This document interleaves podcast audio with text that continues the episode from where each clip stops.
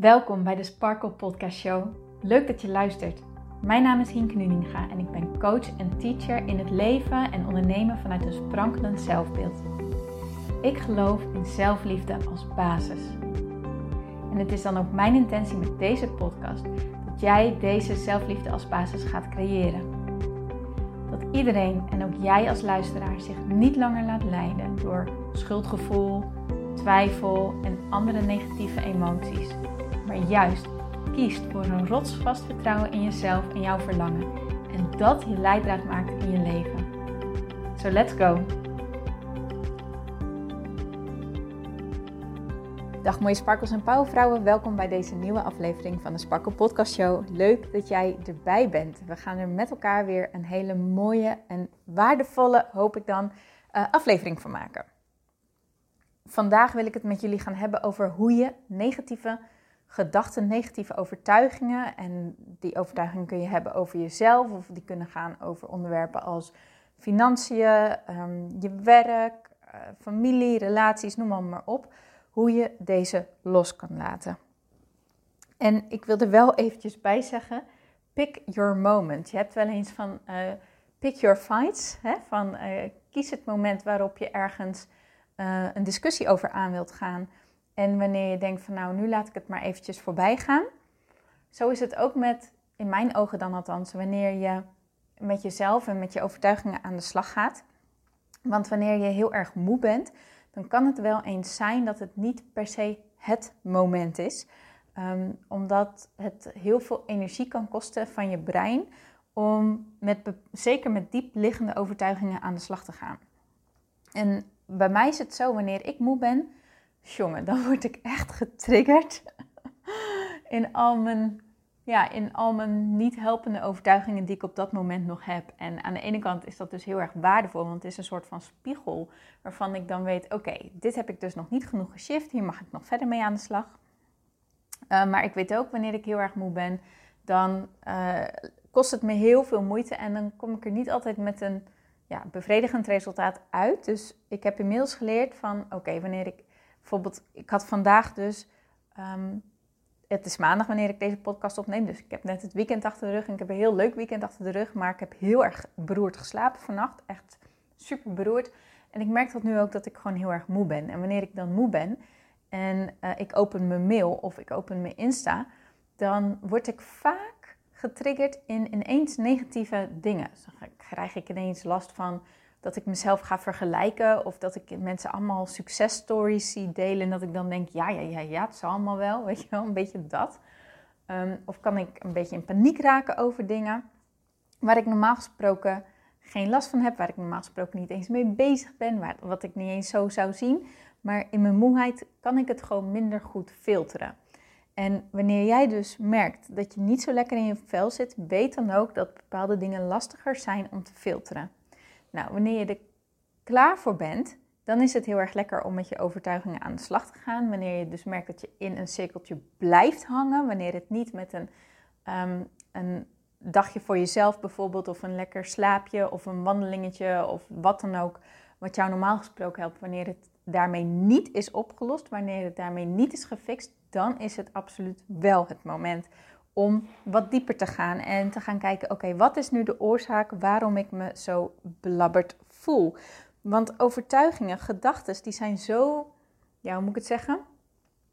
Verantwoordelijk misschien niet, maar het zorgt er wel voor hoe jij je voelt. Hoe je denkt zorgt voor hoe jij je voelt. Denk jij van, oh, ik voel me lekker, ik voel me fit, ik voel me fijn vandaag, ik heb energie, dan voel jij je ook zo. Maar denk je, oh, ik ben moe en ik zie er niet uit. En mensen zullen wel denken, wat loopt daar nou weer voor een zeem en uh, bla bla. Nou, dan voel je gelijk natuurlijk een stuk minder uh, comfortabel en een stuk minder zeker. Dus hoe jij je denkt is enorm van invloed op hoe jij je voelt. Het probleem, nou ja, probleem tussen haakjes, is echter wel dat de meeste gedachten van ons onbewust aan ons voorbij gaan. Dat zijn die gedachten die zo lang al in ons hoofd spelen, die zo lang al op die ehm, LP-plaat staan, zal ik maar zeggen, die al zo lang draait, dat we niet eens meer bewust zijn van dat we op die manier denken of dat we op die manier naar onszelf kijken.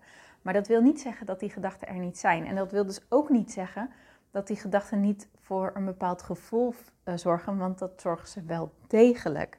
Ze liggen alleen ietsjes dieper. Je bent gewoon niet meer bewust van dat je ze denkt, omdat je het zo vaak hoort. Je zou het kunnen vergelijken met de geluidjes die jij in je huis hebt. Jij bent gewend aan de geluidjes in je huis. Misschien de koelkast die zoomt, of het tikken van de klok, of uh, een bepaalde tik in een leiding, of noem maar op. Hè. En als jij gewoon bezig bent met je dingetje, dan vallen die geluiden jou niet op. Want je bent er zo aan gewend, het verdwijnt naar de achtergrond. Dus het is er, maar het, het krijgt jouw aandacht niet meer. En wanneer er dan iemand op bezoek is, of je bent ineens gewoon stil en je bent met niks bezig, dan komen die geluidjes wel naar de voorgrond. Dan hoor je het ineens wel. Dat zijn, en die geluiden zijn er dus al die tijd geweest. Het is niet zo dat pas wanneer je ze hoort, ze er dan pas zijn. Nee, jij wordt je er op dat moment pas van bewust. En zo werkt het dus ook met onze overtuigingen en de gedachten die we denken. He, degene waar we niet op letten, maar die er wel zitten, die horen we eigenlijk pas wanneer we er echt de tijd en de ruimte voor nemen. Wanneer we ontspannen zijn, wanneer we op, in bed liggen bijvoorbeeld, of wanneer we uh, op vakantie zijn of even een moment voor onszelf nemen, dan komen dat soort gedachten veel meer naar voren. Dat is ook de reden waarom veel mensen last hebben van uh, stress en paniek zodra ze naar bed gaan. Want dan neem je een moment rust en dan komt het allemaal omhoog. Terwijl door de dag heen kun je het nog een beetje wegdrukken met, met je allerdagelijkse bezigheden. Maar zodra je op bed ligt, dan heeft je brein de tijd om lekker luid alles uh, ja, af te spelen, zou ik maar zeggen. En dan is er ja, niet echt een ontsnappen aan. Dus daarom zijn niet iedereen, maar velen van ons uh, hebben dus last van zodra je op bed ligt, dat je dan ineens niet meer kan slapen omdat al die gedachten nog ja, door je brein gaan. Oké, nou een overtuiging is dus een uh, gedachte of een bepaalde visie over over ja, hoe jij de wereld ziet, over hoe je jezelf ziet, um, hoe je denkt dat de wereld werkt, noem maar, op. Je zou het kunnen zien als een gedachte die je bent blijven denken, waardoor je het ook bent gaan geloven. En dat, dat is misschien raar om te horen, dat weet ik, want je denkt misschien van ja, maar uh, stel je voor jouw gedachte is van uh, ik ben te dik. En je vindt jezelf ook echt daadwerkelijk te dik en op de weegschaal uh, ben je ook zwaarder dan dat je zou willen. Dan kan je misschien denken, ja, Hinke, hallo, uh, hoezo een gedachte die ik slechts uh, blijf denken? Het is toch de waarheid? Het staat hier toch voor me, als ik op de weegschaal sta, staat hier toch voor me als ik in de spiegel kijk. Dan nog is het slechts een gedachte die jij over jezelf denkt. Want iemand anders kan naar jou kijken en denken van... wow, wat een mooie, prachtige vrouw. Wat, wat straalt zij energie uit? Of wat straalt ze kracht uit? Of wat heeft ze mooie sprankelende ogen? Of wat heeft ze een super fijn gevoel voor humor? Of wat is ze een heerlijke persoonlijkheid en wat ben ik graag bij haar, weet je wel. En sommigen ook sowieso het schoonheidsideaal. Dat woord überhaupt, dat moet ik al van, ga ik al zo wat van over mijn nek. Maar de ene vindt wat voller mooi en de ander vindt wat slanker mooi. Weet je, er is geen, er is geen gouden waarheid. Tuurlijk wordt die wel geprobeerd aan te leggen door media en, en, en modellen en dat soort dingen. Maar dat wil niet zeggen dat dat de waarheid is. Dat dat echt per definitie zo hoort te zijn. Want bijvoorbeeld in landen als Afrika wordt, worden ehm, ja, vormen bij vrouwen juist als heel erg mooi en, en sexy en aantrekkelijk ervaren. Terwijl ja, in Europa moet het allemaal maar zo strak mogelijk. Ja, wie heeft er gelijk, weet je wel? Er is geen waarheid. Het is slechts maar hoe jij het bekijkt en hoe jij erover denkt even dat gezegd hebbende, als jij denkt van nou, ik voel me er prettiger bij om wat af te vallen. Um, dat mag natuurlijk, hè? Dat, dat is helemaal aan jou. Dat is niet wat ik wil zeggen. Maar wat ik wil zeggen is van, uh, ben je bewust van hoe je over jezelf denkt en wat dat dus voor gevoelens bij jou omhoog haalt. Oké, even een hele omweg, maar een gedachte is dus een gedachte die je blijft herhalen. En als je maar blijft herhalen, ik ben te dik, ik ben te dik, ik ben te dik, dan zal je daar ook niet door gaan afvallen. Dat is ook wat ik even wilde zeggen. Oké, sorry, even een grote omweg. Um, hoe kom je nou aan een bepaalde overtuiging? Hoe kom je aan de gedachten die je hebt. De eerste zeven jaren van ons leven die zijn enorm bepalend. Dit worden ook wel de theta-jaren of de theta-jaren van je brein genoemd. Ehm, daarin komt alles gewoon puur binnen en is gewoon waar op dat moment voor jou. Maar je krijgt je overtuigingen niet alleen door de dingen die je hoort, hè, dus wat mensen tegen jou zeggen, wat je opvoeders tegen jou zeggen, wat je docent tegen jou zegt, wat je familie tegen jou zegt. Het is met name ook wat je ziet en wat je ervaart en wat je voelt. En dan wil ik echt eventjes nadruk leggen op voelen. Als kind voel je ontzettend veel. Ben je ontzettend puur en ontvankelijk in alle signalen gewoon binnen laten komen door te voelen. En wanneer er bijvoorbeeld bepaalde spanningen thuis zijn bij uh, tussen jouw ouders, dan krijg jij die spanning met name mee. En dan kan dat best wel eens een gedachte geven dat de wereld geen veilige plek is. En dat is niet omdat jouw ouders jou onveilig gevoel hebben gegeven. Dat is niet omdat jij ehm, van alles per se hebt meegemaakt. Het kan best wel zijn dat, uh, nou laat ik het zo zeggen, mijn ouders die hebben altijd best veel spanningen tussen hun gehad. Maar ze deden er echt alles aan als wij er waren als kids. Ehm, dat ze gewoon heel erg normaal tegen ons deden. Er waren helemaal geen ruzie, ruzies thuis. Nou, van niet in mijn herinnering, helemaal niet veel. Um, en, en, en weet je wel, ze hebben er echt alles aan gedaan om ons een gelukkige jeugd te geven. Dus als je daar naar kijkt, dan zou je denken, nou, uh, spanning, nee, dat was, nee, nee, ik heb, dat, dat, ik heb geen ruzies gehoord of zo. Nee, maar ik voelde die spanning als kind feilloos aan. Ik voelde heel goed aan dat dat er zat. En dat wil ik, ja, dat hoop ik vooral mee te geven. Dat, dat je overtuigingen, die komen niet alleen door wat je hoort, maar het komt echt door alles. Dus door wat je ziet, door wat je ervaart, door wat je voelt. En daarmee creëer jij het beeld van hoe jij in elkaar zit, hoe de wereld jou ziet en hoe, hoe de wereld voor jou is, hoe jij de wereld ziet. Die worden met name in die eerste zeven jaren, ge, ja, hoe moet ik het zeggen, gemaakt. Gemaakt is niet helemaal het goede woord, maar die, die krijg je dan. En eigenlijk bouw je de rest van je leven voort op die overtuigingen die jij dus in die eerste zeven jaren hebt opgedaan. Tenzij je daar bewust wat aan verandert, want je kan ze echt veranderen. Want je denkt nu misschien, jeetje, moet ik dat helemaal van dat moment terughalen en uh, helemaal gaan onderzoeken en vandaar uh, het veranderen, dat is toch onmogelijk? Nee, dat is niet onmogelijk. En dat ga ik je ook in deze podcast laten zien hoe je dat dan doet. Maar even ter illustratie en zeker dat stukje van voelen, want dat gaf voor mij wel heel veel verduidelijking van, oh ja, wacht even. Het zijn niet per se alleen de boodschappen die ik mee heb gekregen via woord, maar vooral wat ik heb gezien, wat ik heb ervaren en wat ik heb gevoeld. En wat ik heb gevoeld vroeger waren heel veel spanningen. Dus is het logisch dat ik als, ja, als overtuiging had dat de wereld eigenlijk helemaal niet zo'n hele veilige plek is. Dat, dat is het gevoel wat ik heel lang heb gehad. En dat heeft ook heel veel uh, voor mij verklaard.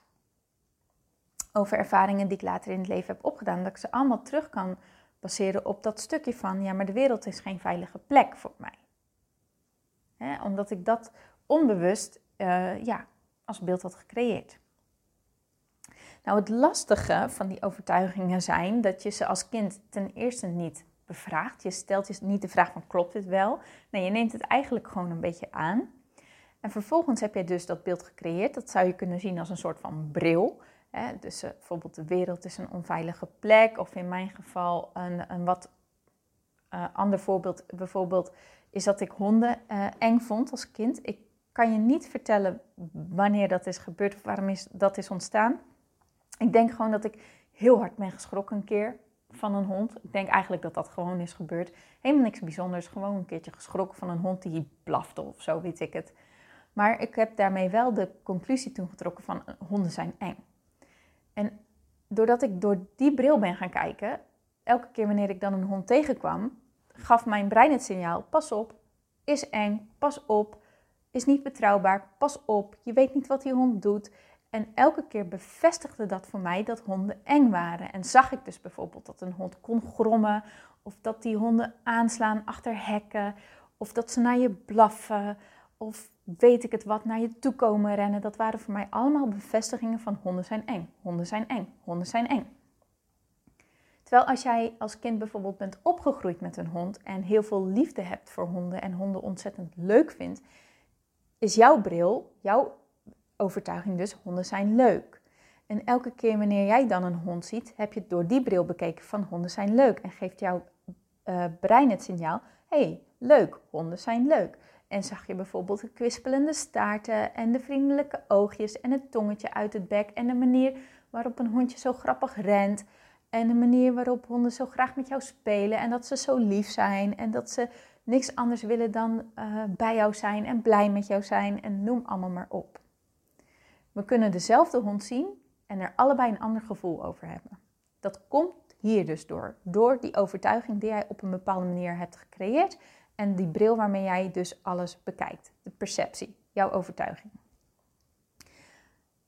Wanneer je dus niet bewust bent van dat het een overtuiging is die ervoor zorgt dat jij op een bepaalde manier die situatie ervaart, hè, dus je ontmoeting met je honden, zul je elke keer tegen jezelf zeggen: zie je wel, honden zijn eng. Of zie je wel, honden zijn leuk. Je wordt er constant in bevestigd, omdat dat de manier is waarop jij naar dingen kijkt. En deze is misschien heel erg moeilijk te accepteren, omdat je denkt: ja, maar het is zo. Nee, het is niet per definitie zo niet per definitie zo. Het is niet per se de waarheid. Wie bepaalt wat de waarheid is? Wie bepaalt dat? Dat, dat is er niet. In mijn optiek is er geen één absolute waarheid.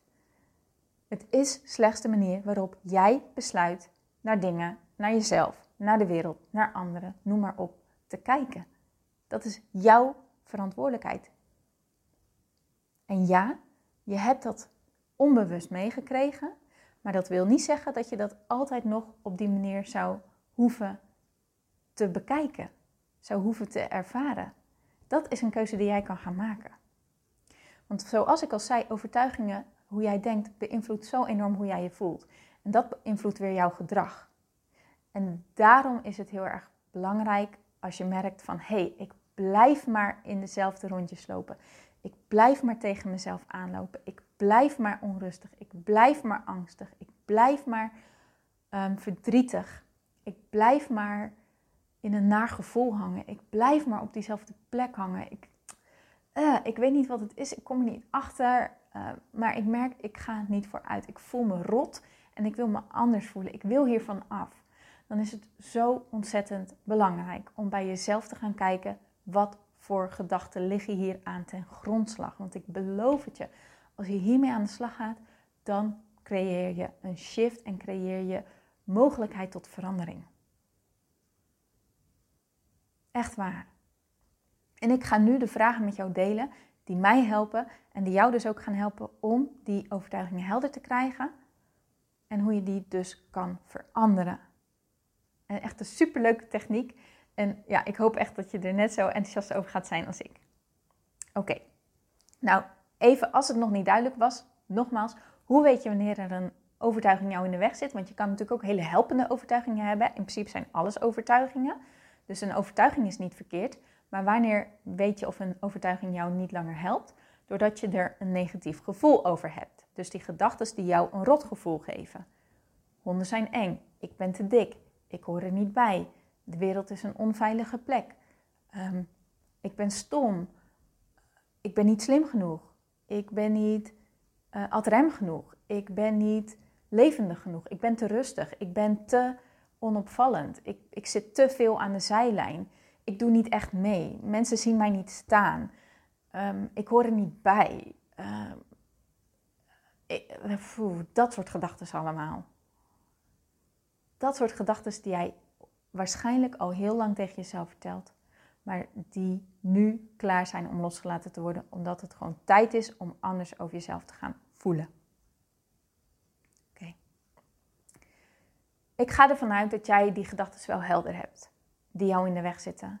En je hoeft ze echt niet alle, alle duizend helder te hebben, nee. Doe het gewoon per keer. Kijk gewoon elke keer wanneer ik me rot voel, welke gedachte ligt hier dan aan ten grondslag. En dan mag je met die gedachte aan de gang gaan. Want dat is op dat moment nodig omdat het op dat moment omhoog is gekomen. Vertrouw ook op hoe jouw pad verloopt. Vertrouw op de dingen die zich ontvouwen.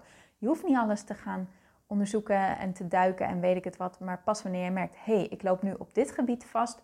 Wat zijn dan mijn overtuigingen die op dit gebied mij zo op deze plek houden? Welke gedachten heb ik dan eigenlijk? Zo hou je het behapbaar.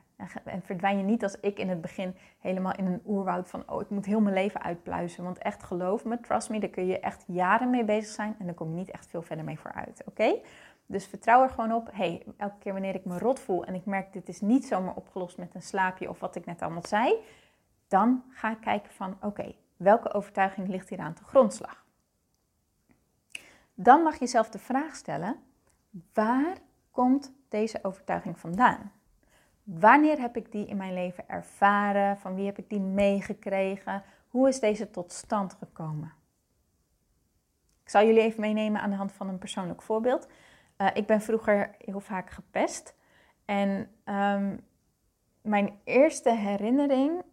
Nee, wacht, ik moet zo zeggen. Dus ik had heel erg het beeld, de overtuiging gecreëerd: ik hoor er niet bij, ik ben stom. Ja, ik tel niet mee, ik hoor er niet bij, ik ben stom. Dat is de overtuiging die ik over mezelf had gecreëerd. Als ik mezelf dan de vraag stel van oké, waar komt deze overtuiging vandaan? Dan ga ik terug naar het moment dat ik, het was uh, de eerste schooldag van groep 4 en de meester die had groepjes gemaakt van tevoren en ik loop naar mijn groepje toe en ik ga aan de tafel zitten en terwijl ik het vertel voel ik weer die spanning, voel weer die hartkloppingen. Maar goed, uh, ga ik aan die tafel zitten, kijk ik naar mijn groepje en krijg ik van een van de jongetjes in dat groepje gelijk te horen: Ik wil niet met jou in dit groepje, want jij bent stom.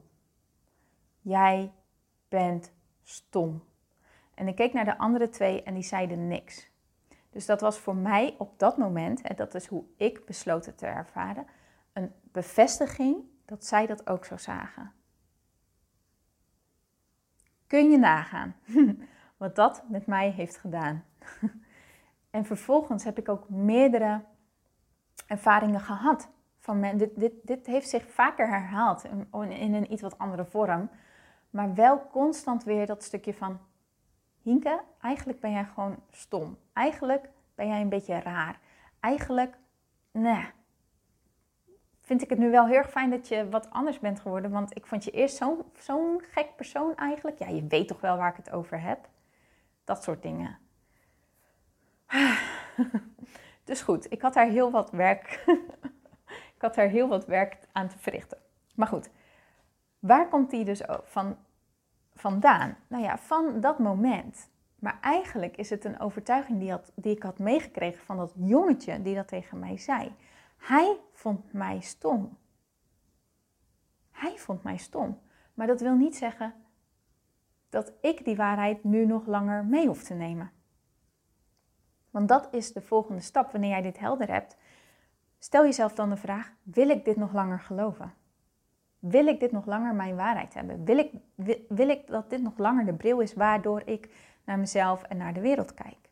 Ik hoop natuurlijk van harte dat je antwoord nee is. Maar voel heel goed wat je voelt. Want soms ben je nog niet helemaal ready om het los te laten. En zit er nog wat weerstand op en mag je eerst die weerstand onderzoeken. Dus blijf bij je gevoel. Maar als je gevoel zegt, nee, dit wil ik niet meer langer geloven, dan weet je, oké, dan ben ik toe aan de volgende stap. En dat vind ik echt een hele leuke vraag. Die vraag is als volgt. Waarom is deze overtuiging, in dit geval van hè, van ik ben stom. Waarom is dit een dikke, vette leugen? Waarom is dit een leugen? Als jij overtuigingen, negatieve overtuigingen zo kan gaan zien als niks anders dan leugens, en dat het jouw taak is om die op een andere manier te gaan bekijken, dat het geen leugens meer zijn, dan wordt het een soort van spel. En dan wordt het wat minder serieus. En dan maakt het wat luchtiger om, uh, om er naar te kijken. Want er, er kan heel veel stress en trauma's en emoties ehm, aan dit soort herinneringen vastzitten.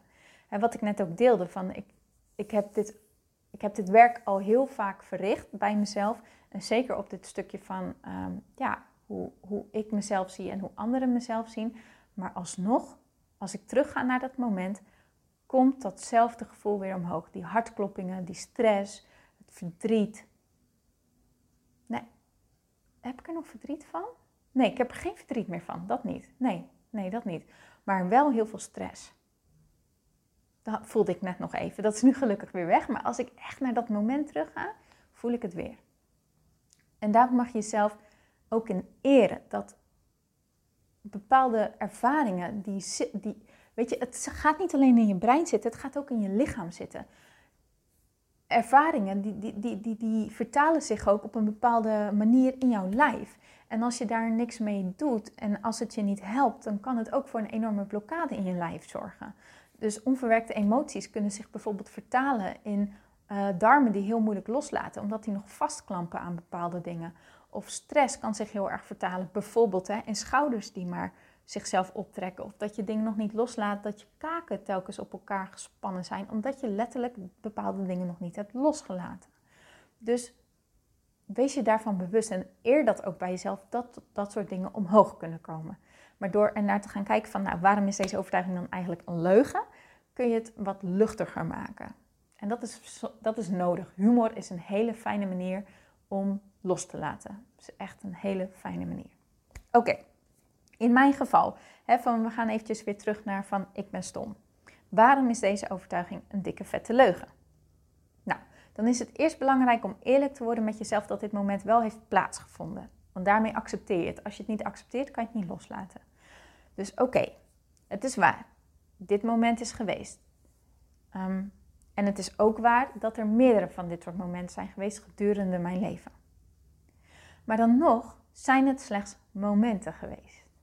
En heb ik ook duizenden en duizenden en duizenden andere momenten meegemaakt en ervaren die niet dit, die niet deze boodschap droeg. En ja, deze momenten zijn er geweest, maar dit was de mening van een paar personen.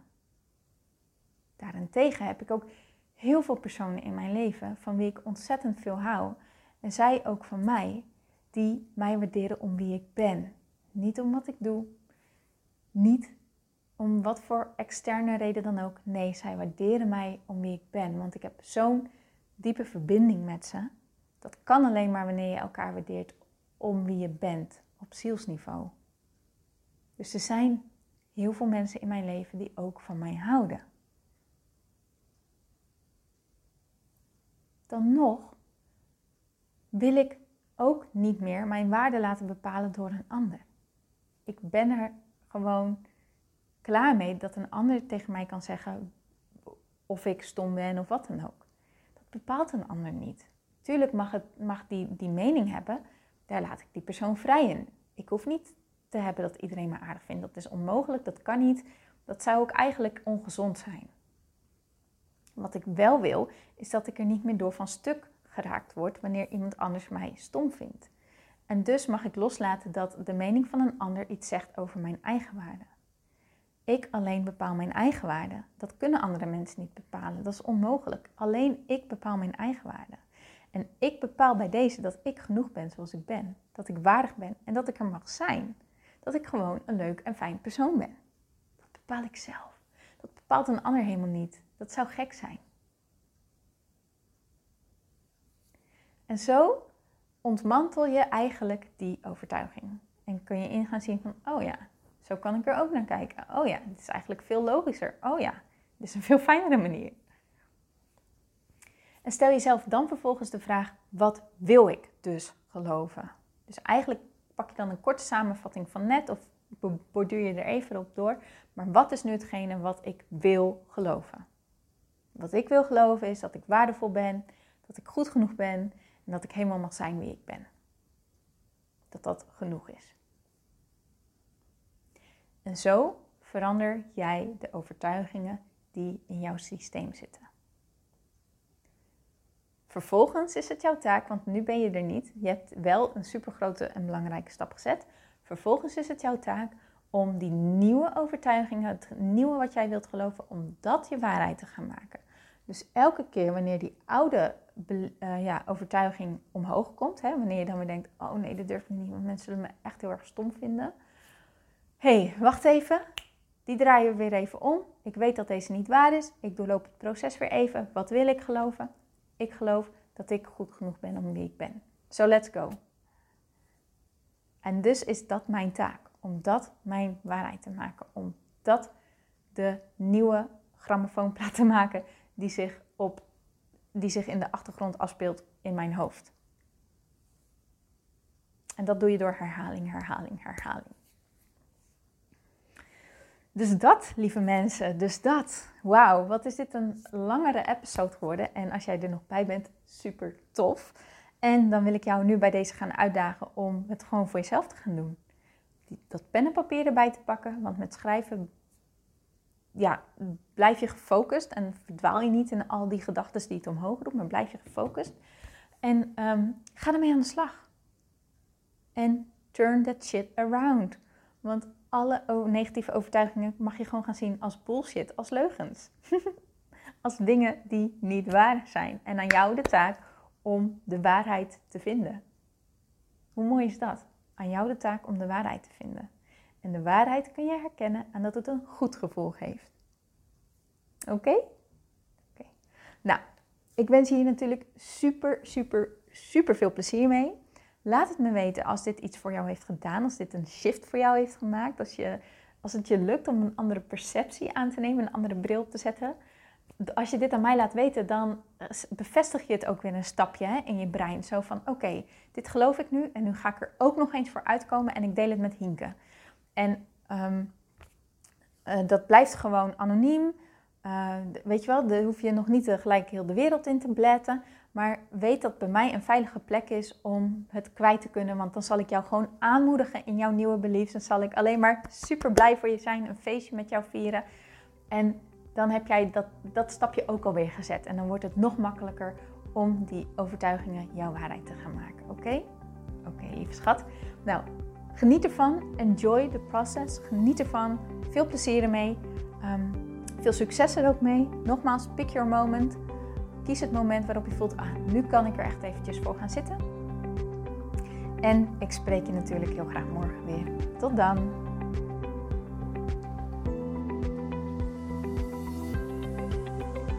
Dankjewel voor het luisteren naar deze podcast. Ik vind het zo leuk om deze podcast op te mogen nemen en jou te mogen inspireren om zelf de baas te worden van je mind, zodat je een sprankelijk leven leeft. En dit is wat ik zoveel mogelijk mensen gun. Wil jij mij daarom helpen om je op deze podcast te abonneren? Ga naar iTunes, zoek mijn podcastshow op en klik links in de balk op abonneer mij. Zo kom ik namelijk hoger in de ranking en help je mij nog meer mensen te bereiken om hun sparkle te leven. Dus ga naar iTunes en abonneer je nu. Ontzettend bedankt en tot de volgende keer.